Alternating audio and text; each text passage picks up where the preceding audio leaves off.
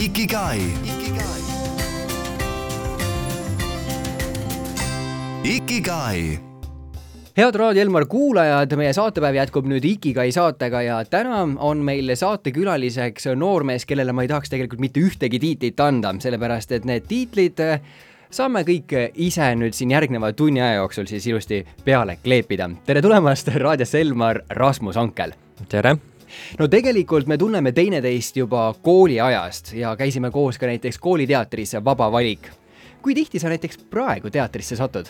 no viimasel ajal kahjuks mitte nii tihti. et äh, lihtsalt elurütm läks viimasel pooleteist aastal väga kiireks, et nüüd ma tahan lähimal ajal sinna jälle taas jõuda. on sul mingi selline konkreetne etendus ka või lavastus, et vot, vot seda tahaks nüüd küll minna vaatama? Hetkel sellist ei ole, miskipärast Ugala nagu jookseb pidevalt silme ette, järelikult tuleb seal ära käia, et pole sinna ammu jõudnud. no Ugala käis sel nädalal ka üsna palju meediapildiste läbi ja näiteks Terevisioongi seal reede hommikul kohapeal oli nii et hea valik kohe kindlasti. kui aga veel näiteks kooliaega meenutada, siis millise õpilasena sa ennast mäletad? Väga põnev küsimus, ma arvan, selline, kes, kes kogu aeg midagi korraldas, seda ma ikka mäletan, et kuidas eesti keele õpetaja alati oli minu peale tige, kui ma tundi hiljaks jäin, siis ma jälle midagi organiseerisin või korraldasin kusjuures äh, täpselt sellisena ma sind enam-vähem mäletangi, selline aktivist ja sellist äh, huumorimeelt oli ka ikka üksjagu sinus. kui palju see huumorimeelsus äh, näiteks sind nüüd täiskasvanuna aidanud on? on ta mingisuguseid uksi avanud või, või mingisuguseid raskemaid olukordi lihtsamaks teinud? no kas ta on uksi avanud, seda ma ei oska öelda, aga kindlasti sellised, teinekord, kus sa tunned, sa oled lootuses olukorras mingi ürituse korraldamisega või mingis protsessi käigus, et siis äh, mõnikord must huumor või lihtsalt kerge ütlemine, et äh, see lööb jälle suunurgad ülesse ja leitakse jälle koos lahendus, et see on selline, mis aitab läbi kanda ja teatud asjad kergemalt, kergemalt ära teha. nii et kui sa vahel tahad siin selles saates ka mõne vastusega mõne nalja maha panna, ära hoia ennast tagasi, tunne ennast vabalt aga tegelikult juba mainisin, et tundsime teineteist koolis ja see kool oli Jüri gümnaasium üsna Tallinna külje all, sinu praegusest elukohast väga kaugel, ütleme täiesti teises Eesti otsas. kas sa kooli ajal ka näiteks unistasid sellest, et võib-olla see liiga kiire ja, ja tempokas ja lärmakas elu seal pealinna külje all, et see ei ole väga sinule ja tahaksid ikkagi minna Lõuna-Eestisse elama? No mina sain Jüris käia, see oli siis, kuidas ma ütlen, kaks tuhat kümme seal ümbruses ja natuke ta tagasipoole, et äh, kaks tuhat kümme jah, lõpetasin. et siis ta oli just nagu hoogsamalt kasvama minemas, et linna kõrval ta oli ikka väga mõnus, väike, rahulik, selline, kuidas ma ütlen, linnanurgakene. Et siis mind selline asi ei häirinud, aga jah, ma elasin ise püsivalt Tallinnas, et ma käisin ju kogu aeg Tallinnast Jüri kooli, kuus, kuus aastat või midagi sellist, et äh, see oli nagu väljapääs minu jaoks, et Tallinn mulle ei istu, et kui mul võimalus oli, sealt ma ka ära läksin esimesel võimalusel kui tihti sa praegu sinna kanti satud?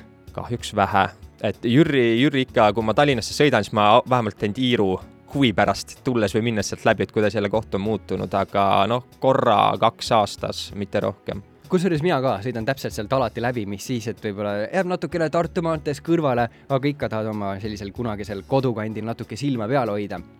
räägime natukene ka suurematest äh, saavutustest, nimelt näiteks äh, Junior Achievement Eesti on sind tunnustanud ju aasta mentori tiitliga, järelikult peab sul ikka selle noorte, kuidas ma ütlen, generatsiooniga väga hea klapp olema. kas sul on mingisugune saladus ka, kuidas sa nendega nagu nii hästi läbi saad? Ma kunagi keegi on seda sarnast küsimust küsinud, siis ma hakkasin mõtlema, et ehk on see seotud sellesama vaba valikuga, et me jõuame sinna Jüri gümnaasiumisse tagasi, et äh, meil mõlemal oli võrratu juhendaja Ingrid ja tema ta ei tundunud, et ta meist on vanem, ta suutis meiega selle kuidagi klappi lüüa, et mis siis, et ta võis mõnest kaks korda vanem olla. ja võib-olla sealt miski asi on üle tulnud, et äh, tänapäeva igapäevatöös ka, isegi kui ma teen kõige tõsisemaid projekte või tegevusi, alati ma püüan noored kaasata, et et eh, ehk see sealt, sealt on see tulnud äkki. nii et eh, siis eh, kunagine kooliteater tegelikult avaldab sulle päris suurt mõju praeguseski elus. jah, seda avastati ikka niimoodi viis või kümme aastat hiljem alles, jah meie kooli laulusõnad ütlevad ka, et võtad kaasa siit kauguste kutse ühes endaga, viid igal pool ja juba mainisin, et oled kolinud Tallinnast kohe väga kaugele Läti piiri äärde. peale väikest muusikapausi teemegi sellest elust maal lähemalt juttu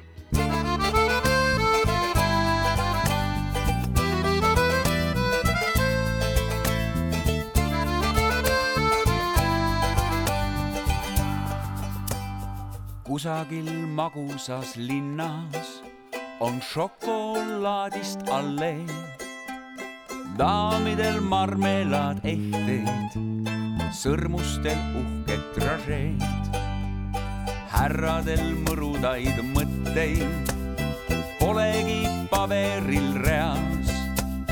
vahvlitest arveid on õhtul süüa nii lõputult hea. Saadan sul sealt maalt ma kirja sinna, kus hall argipäev.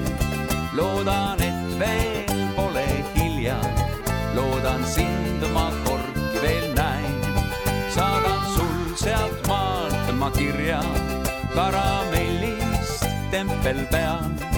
loodan, et veel pole hilja, tea sind igatsen seal. kohvikus martsipan laual ootab sind värske kakao. glasuuris mandlites kellas aeg lihtsalt ära ei kao. küpsistest majades iial kurbust ei leia sa eest. uudised Rosina raadios, vaarika vahust ja meest. Saadan sul sealt maalt ma kirja sinna, kus hall argipäev. loodan, et veel pole hilja, loodan sind ma kordi veel näin. saadan sul sealt maalt ma kirja karamellist tempel peal. loodan, et veel pole hilja, tea sind igatsen seal.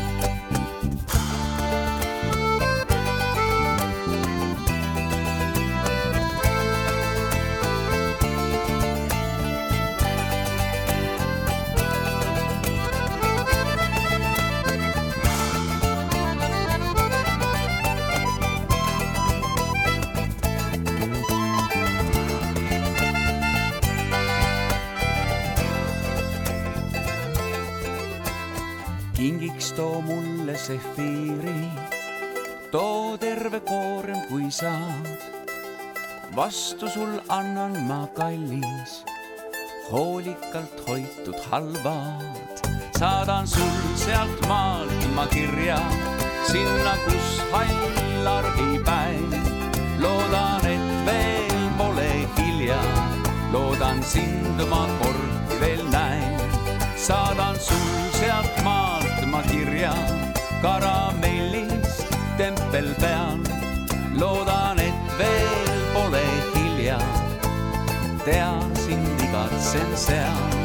saadan sul sealt maalt ma kirja sinna, kus hall argipäev. loodan, et veel pole hilja, loodan sind ma kordki veel näen. saadan sul sealt maalt ma kirja karamellist tempel peal. loodan, et veel pole hilja, tea sind igatsen seal, tea sind igatsen seal, tea sind igatsen.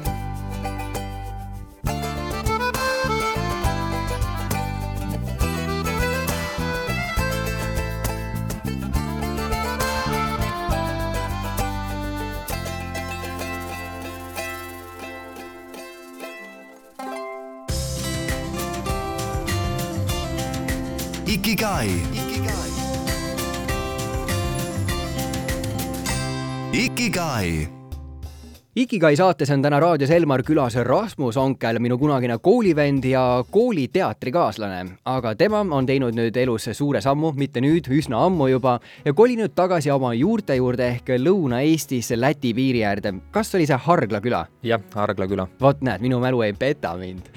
miks on elu maal parem kui mõnes äh, näiteks Eesti suuremas linnas? See tegelikult sõltub inimesest, et kellele meeldib linn, sellele meeldib linn ja sinna midagi parata ei ole, aga kellele meeldib selline rahulik elurütm, on nagu valesti öelda, et kui sa oled aktiivne inimene, siis vahet ei ole, kus sa elad.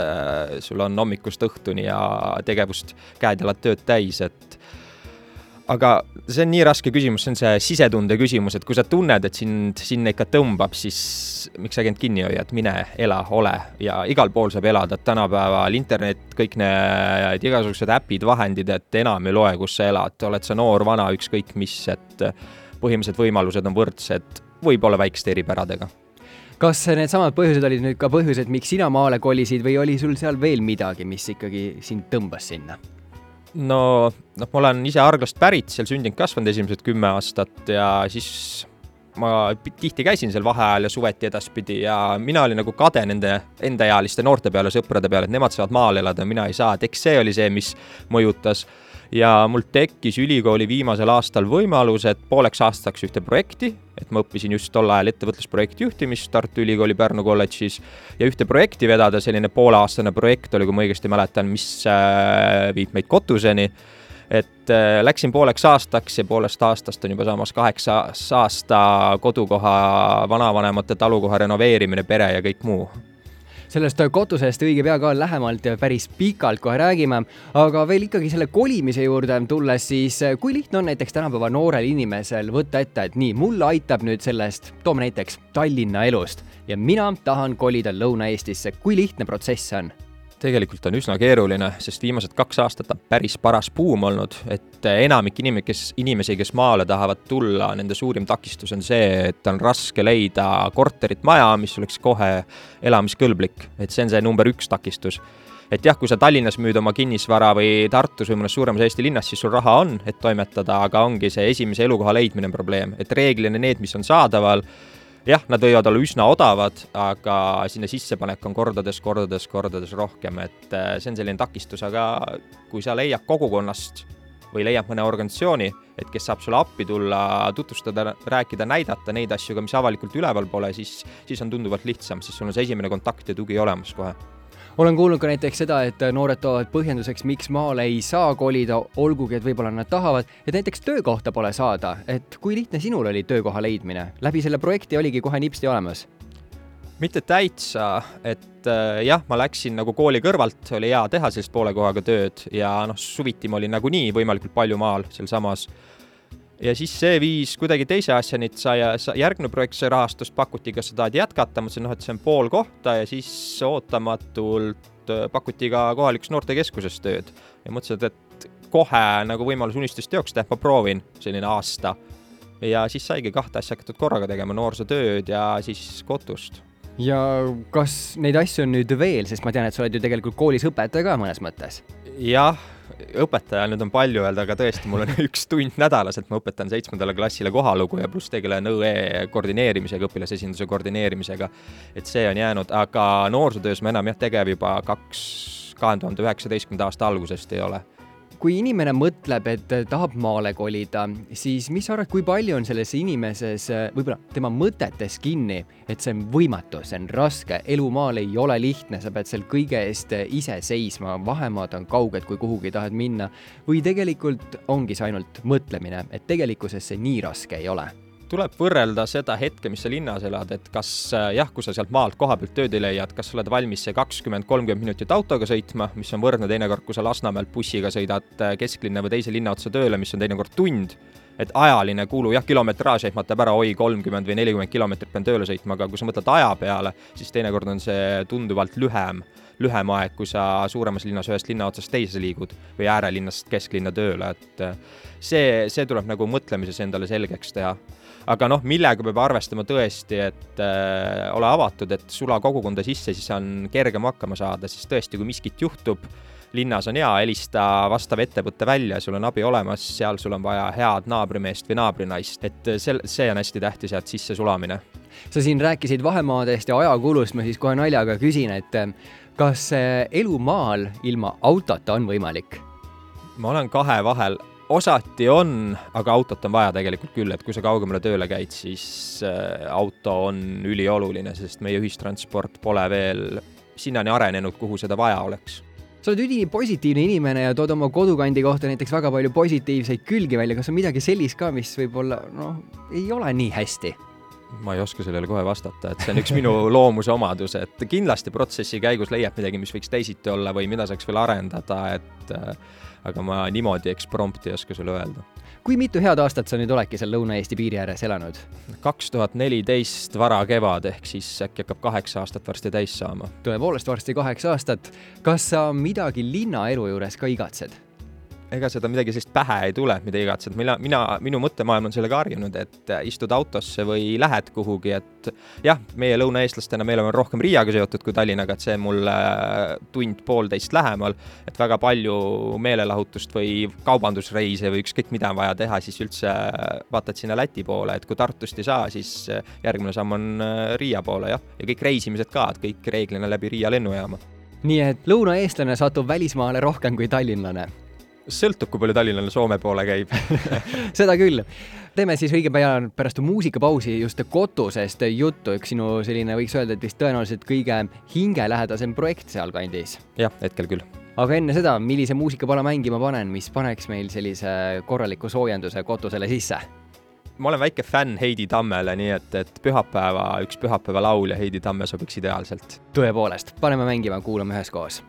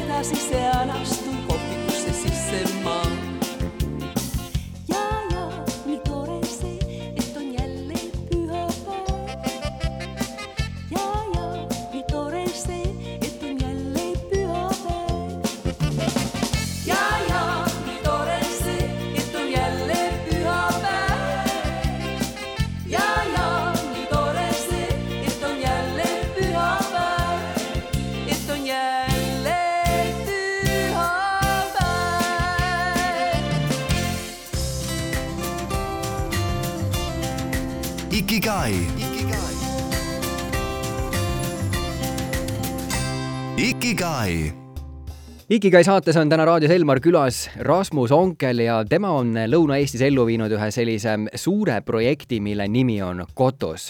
Rasmus, mis see on?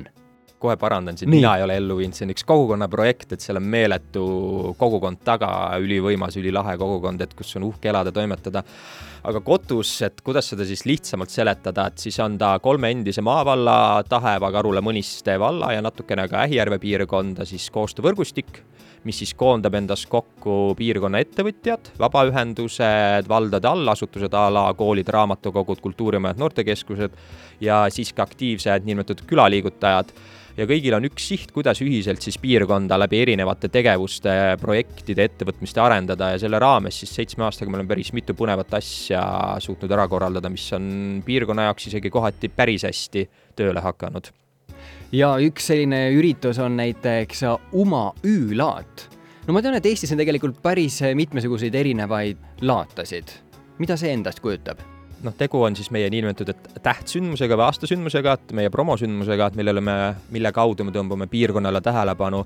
Teinekord käiks väga palju koolitustel ja reeglina noh, oli tore koolitus ja kõik, aga see sündmus tekkis ühe koolituse raames ja see hakkas sealt elama. seal mäletan, et kolm või neli korda me üldse igasugused muud lendlevad ideed ja siis ikka üks mees jätnud jonni, et teeme laada, teeme laada ja siis kusagilt lauast keegi huumoriga hõikas, aga teeme öösel ja sealt see kõik veerema hakkaski ja nüüd siis on kolm suve ta toimunud, et jah, et olemuselt on nagu täitsa tavaline laat, juulikuu lõpus või augusti alguses ta toimub, aga eripärad on see, et esimene asi, seal müüakse ainult enda kätega tehtud toitu ja käsitööd või pakutakse erinevaid elamusteenuseid, et see on esimene kitsendus.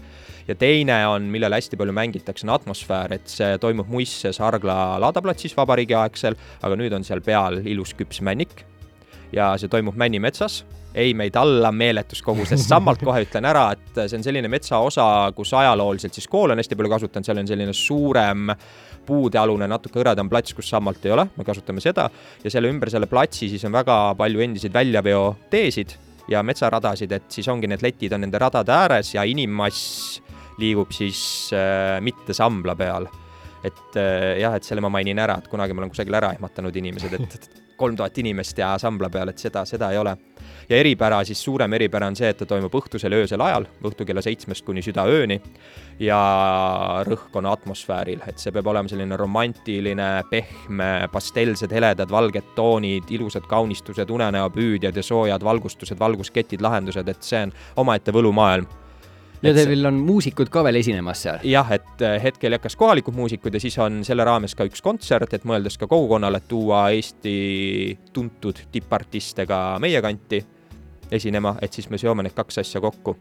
kui ma kujutan ette sellist äh, öist ähm, pidu või laata keset suve, siis mulle tuleb näiteks äh, väga kohe silme ette jaanipäev, kas te teete seal lõket ka? ei, lõket me ei tee, et tulega me oleme väga tagasihoidlikud, et seal on omad kitsendused ja reeglid, millest tuleb lähtuda. bürokraatiat on hästi palju, et sel aastal, kui ma ei eksi, oli äkki üheksa või kümme erinevat luba, kooskõlastust, kus tuleb näpuga jälge ajada, et sa seda keskkonda hoiaks, et sa seda üritust üldse seal korraldada saaks ja nii edasi ja nii edasi, et äh, taust on, et seda teha on, tööd on kõvasti, aga tulemus on super ja see on selline üritus, mis nagu kogukonda on meeletult liitnud, et kogukond nagu ootab seda, ma julgen öelda, et kogukond on uhke selle üle. kui esimene aasta pidid natuke abilisi paluma, et said see nelikümmend, viiskümmend abilist, teine aasta sa ei pidanud kutsuma, inimesed tulid ise ja see aasta meil oli kaheksakümmend viis või rohkem erinevat abilist, et kui meil oli esimene talgupäev, me alustame nädal enne selle laadaplatsi püstitamisega, see tõesti võtab nädal tööd, et see kõik ka kaunistused, dekoratsioonid, olemus üles panna et siis me lootsime, kui tuleb kolmkümmend inimest appi, tuli ligi seitsekümmend esimesel, esimesel päeval, et me saime esimese õhtuga kolme päeva töö põhimõtteliselt ära tehtud, et vabatahtlikult, et äh, sa ei pidanud kedagi kutsuma, et inimesed lihtsalt tulevad ja tulevad ja tulevad, et et see on ülilahe, kuidas kogukond sinna panustab. no lumepall on nüüd veerema pandud, ehk siis ole näha, kuidas järgmine suvi läheb vaata et veelgi lihtsamalt. Lihtsalt ei ole seal midagi, et tööd tuleb tublisti teha, et äh, aga kindlasti on ta tulemas järgmine suvi ja me sihime ka kultuuripealinna, et kaks tuhat kakskümmend neli, meie küll teeme kahekümne kolmandal eelaastal, et kui kõik läheb hästi, et siis me tahame natukene teistmoodi teha ja viiendat sünnipäeva ka veidike teisiti tähistada. rääkisime siin nüüd öölaadas päris pikalt, milliseid põnevaid üritusi või kogukonna tegevusi te veel seal läbi viite? Noh, üks tegevus on kindlasti see, et äh, kuna meie piirkonnas ei olnud sellist turismi infovoldikut, infokaarti, et me oleme sellega aastaid tegelenud ja seda edasi arendanud, et meil on päris korralik ja päris detailne piirkonda tutvustav infokaart, voldik, mida inimesed erinevatest punktidest ja turismiasutustest saavad kaasa võtta.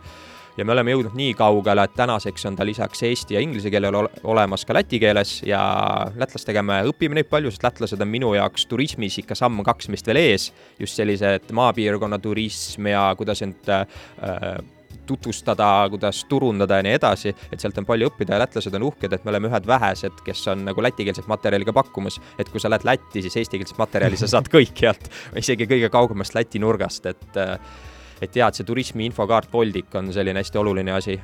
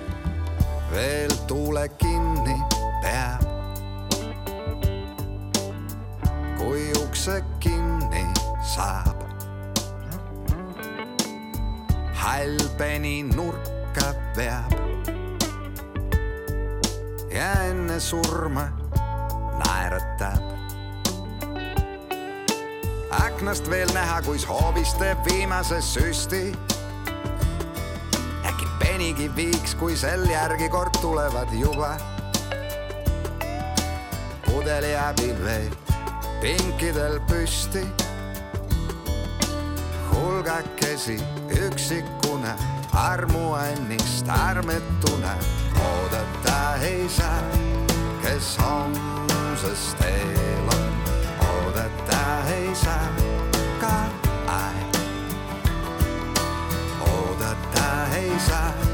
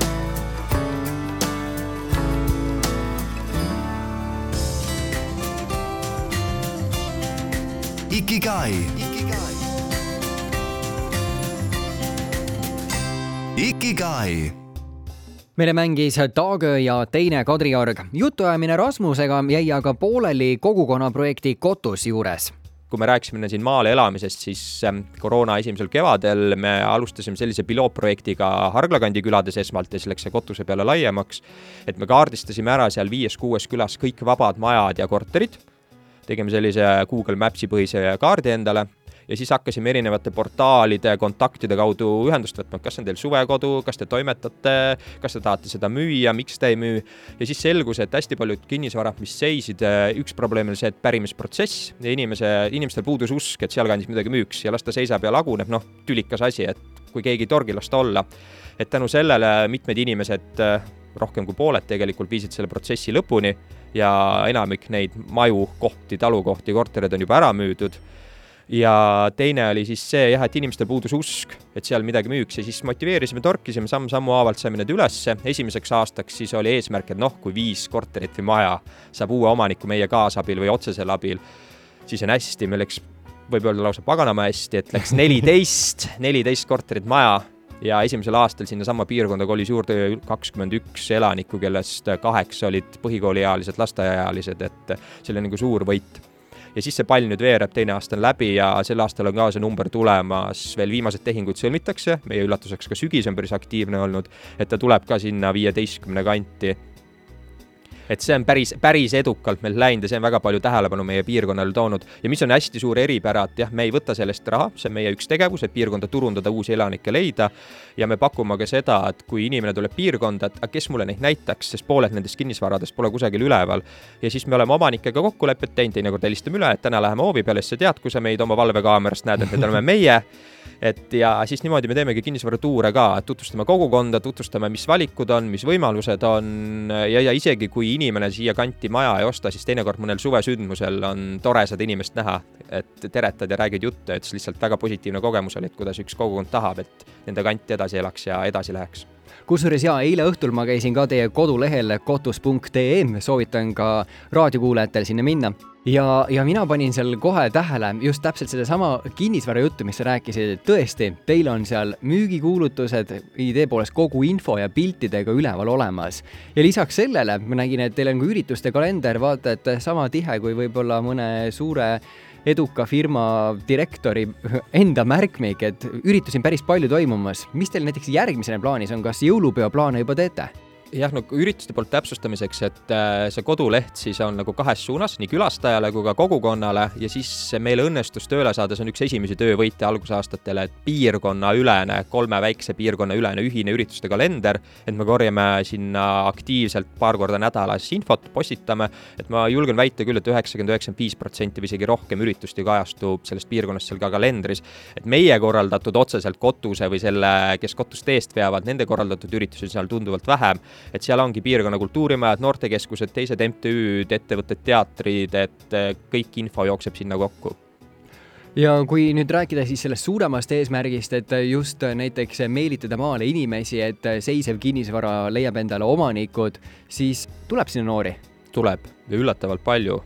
et eh, inimesed julgevad tulla ja tahavad tulla ja loomulikult kogukond peab olema valmis neid toetama, motiveerima, sest inimesed tulevad tavaliselt oma ühte eluunistust sinna täide viima, on see seotud ettevõtlusega, on see seotud elustiili muutusega, on see seotud hariduspõhimõtetega, ükskõik mis et äh, me oleme suhteliselt paindlikud ja avatud suutnud olla, et see on teinekord teatud kogukondades, mis on väga kinnised, on takistuseks. aga meil on see lõimumine päris hästi läinud. ja inimesi tuleb, et selliseid, ütleme kakskümmend viis kuni kolmkümmend viis, kellel on kas la, veel lapsi ei ole või on väikesed lapsed, neid on nagu iga aastaga aina rohkem ja rohkem, et see on see edasiviiv jõud, et see oli meie kandi kogu aeg miinuseks, et kui ma sinna elama läksin, siis ma olin külas ainukene, kes oli kakskümmend, ma ei mäleta, kuna ma sinna läksin, et kes püsivalt seal elas, et et tänaseks on see pilt üldse teistsugune milliseid soovitusi on sul anda näiteks praegu teistele Eesti maapiirkondadele, kus veel pole sellist tugevat kogukonna liikumist, et mida tuleks teha või millest alustada, et, et nemad oleksid ka sama edukad nagu teie? No esimene asi, mis meie alguses puusse panime, me läksime kohe suurelt tegema ja lammutama. et alustage väikselt, oma seltskonnaga, omas kitsamas ringis, küla või paari küla kaupa. Ja siis, kui teised tahavad kaasa tulla, siis ärge öelge ei, ärge olge kadedad, vaid liitke nad juurde, et tehke seda asja, mis te teete, tehke südamega ja siis see kannab, ükskõik mis see ka ei oleks. Mis sa arvad, kas kogukonna liikumine ongi just näiteks võib-olla üks nendest peamistest põhjustest, miks üks Eesti maapiirkond kiratseb, majad lagunevad postkontoreid, poode suletakse, pangaautomaadid viiakse ära ja teine piirkond jällegi samas, noored kolivad, lasteaiarühmad paisuvad, majad tehakse korda, ühistranspordiliiklus paraneb.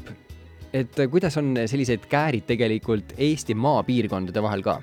Nojah, hästi palju on tegelikult kogukonna ja toonase väikevalla tasandil, aga ikkagi kogukond on täna see number üks roll, aga jah, sa pead olema valmis selleks, et teinekord ongi vaja seljad kokku panna ja mõne riigiasutusega sarvi ristata, et äh, kuulge, meie oleme ka siin ja meie ka elame, et äh, ja meid ei ole vähe, et lemmiklause on, teid ei ole seal, aga tegelikult vaadake seda näitajat, mis need inimesed seal teevad ja korraldavad, et tegelikult neid on palju ja see on jah, üks koht, et äh, jah, kui sa enne küsisid midagi negatiivset või kitsaskohti, üks asi on see, et äh, halloo, pakiautomaadi võrgud, kus te olete. et suuremad külad, kus on selline juba sada viiskümmend elanikku või külade piirkond kolmsada, nelisada elanikku, et see on üks asi, mis kindlasti väikeettevõtlusele meeletult hoogu juurde annaks.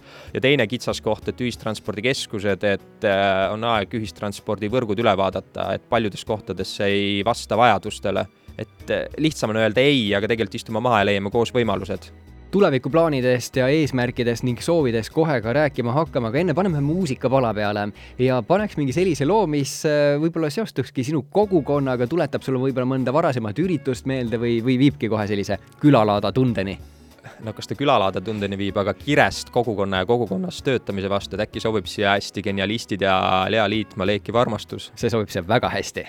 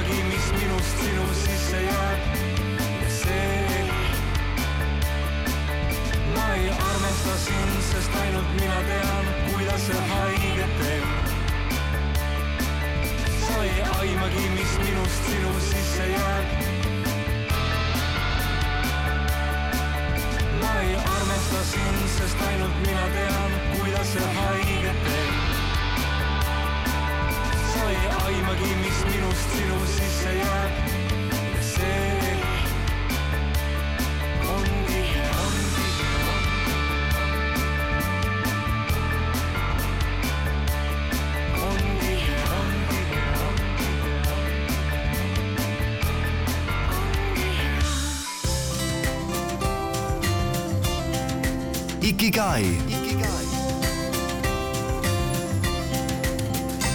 Ikigai tänases Ikigai saates oleme väga palju rääkinud maale kolimisest, elust maal ja kõikidest nendest võludest ja valudest ning rõõm on tõdeda, et neid võlusid on siiski rohkem.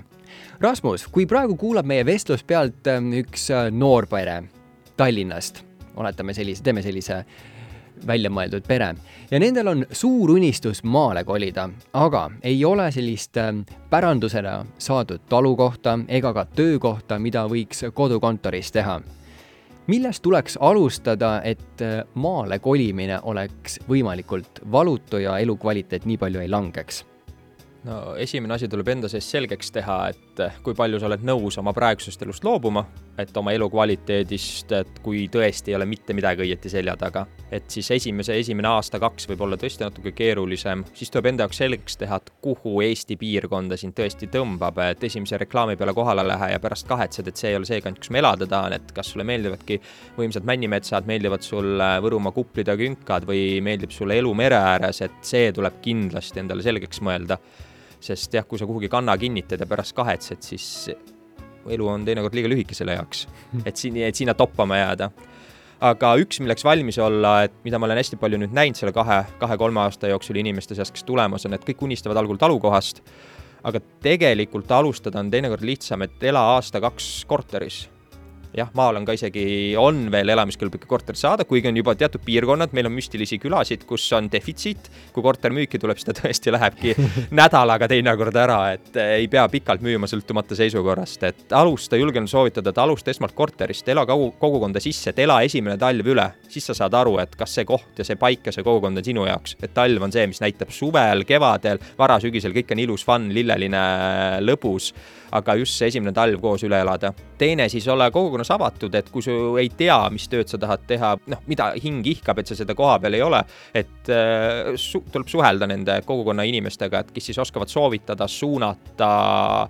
Ja teinekord, kui sa kohe seda õiget töökohta ei leia, siis julgelt töötage äkki võimalusel kolm kuud, pool aastat, aasta kusagil mujal. Ja kui sa oled juba kogukonda sisse sulandunud, siis need uksed hakkavad päris ruttu avanema te- et äh, siin ja seal ja see võimalus ja kolmas võimalus ja Lõuna-Eestis tegelikult ka, isegi kui sa oled, kus ma ütlen, noor spetsialist, siis vaata ka ringi kindlasti valdade kodulehtedel, siis väike, väiksemad vallad või Lõuna-Eesti vallad väga tihti otsivad erinevaid spetsialiste, et on ka üks selline hüppelava, kus silma tasub peal hoida. jah, see, sa ei pruugi seda kohe leida, aga jah, koolid, valla allasutused, vallavalitsused ise, et otsivad põnevaid spetsialiste enda piirkonda sa kandideerisid ka kohalikel omavalitsuse valimistel just nüüd hiljuti ja osutusid valituks. Mis sa arvad, kui palju on kohaliku omavalitsuse teha, et noored tahaksid maale kolida?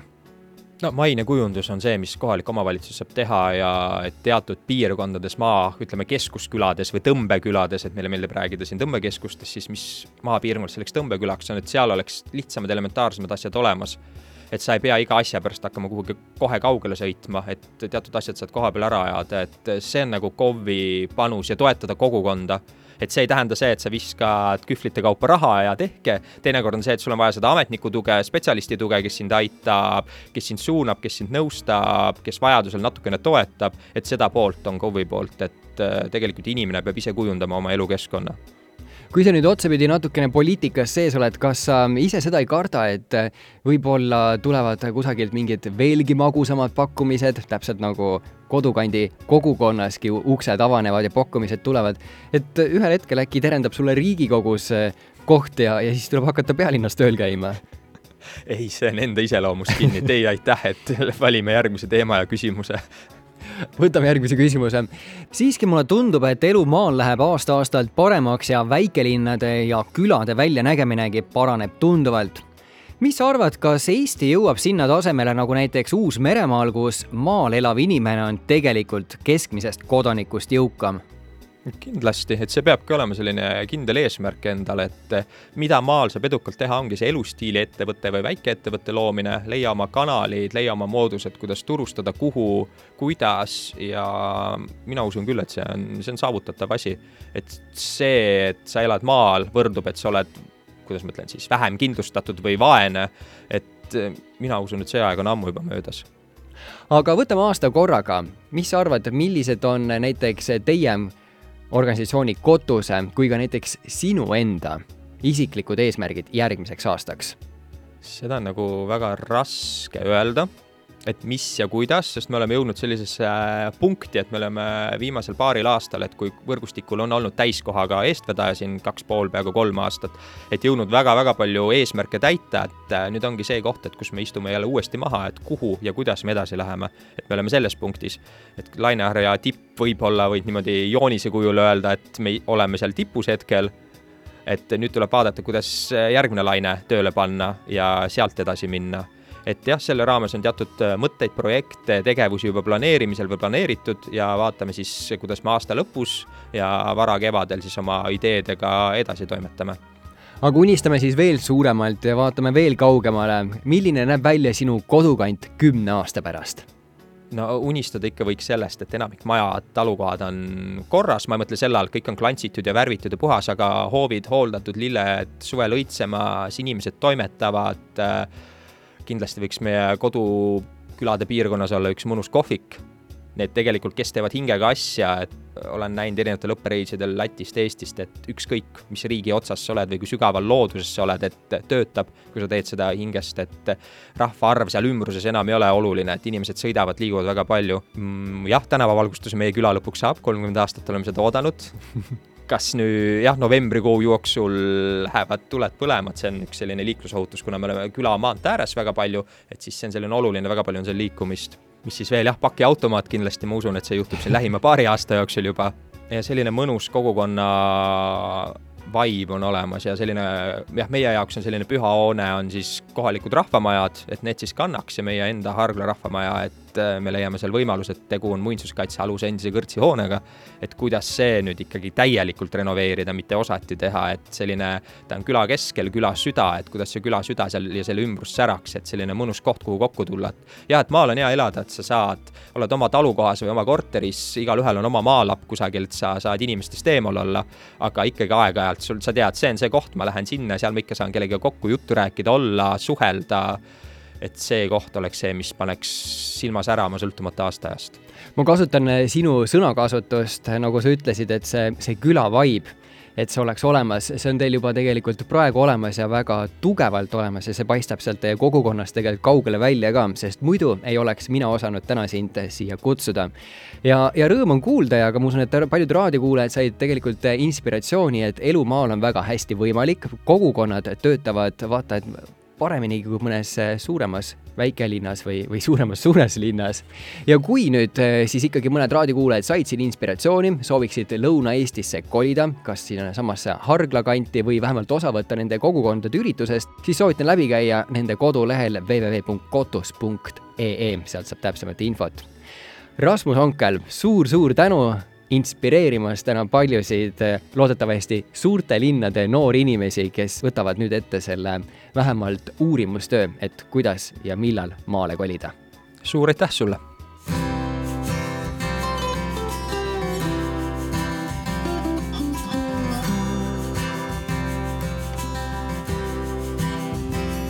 siis kui looja langeb päeva viimne kiir, kustub päikene mu kaasa kutsub siit.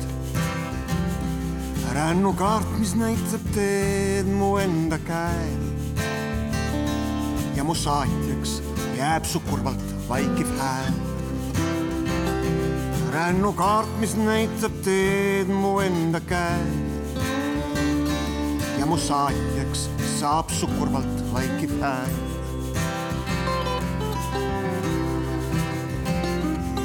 eilne pilv, mis liubleb ümber kuu. tõusen taevasse, kui valgust otsib puu. andeks antud aastad peegeldumas vees. ja katedraal, mis kitsaks jäänu sees. andeks antud aastad peegeldumas vees. ja katedraal, mis kitsaks kitsaks jäänu sees.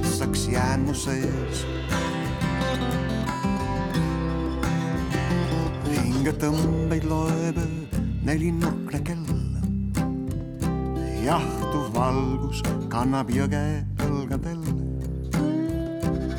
paljasjalgne tuul mind hüüab ööga koos. keset taevaaedu puhkeb valge roos. paljasjalgne tuul mind hüüab ööga koos. keset taevaaedu puhkeb valge roos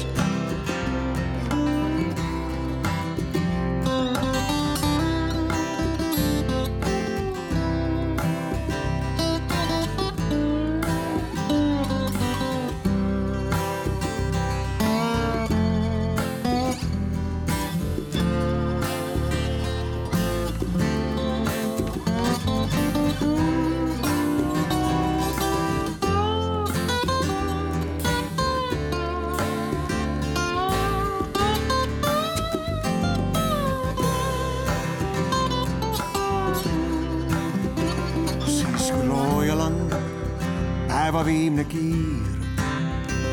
kustub päikene, mu kaasa kutsub siit. terav mälestus, kui nuga keerab sees. ah, vala veini, vala veini juurde veel. terav mälestus, kui nuga keerab sees. ah, vala veini, vala veini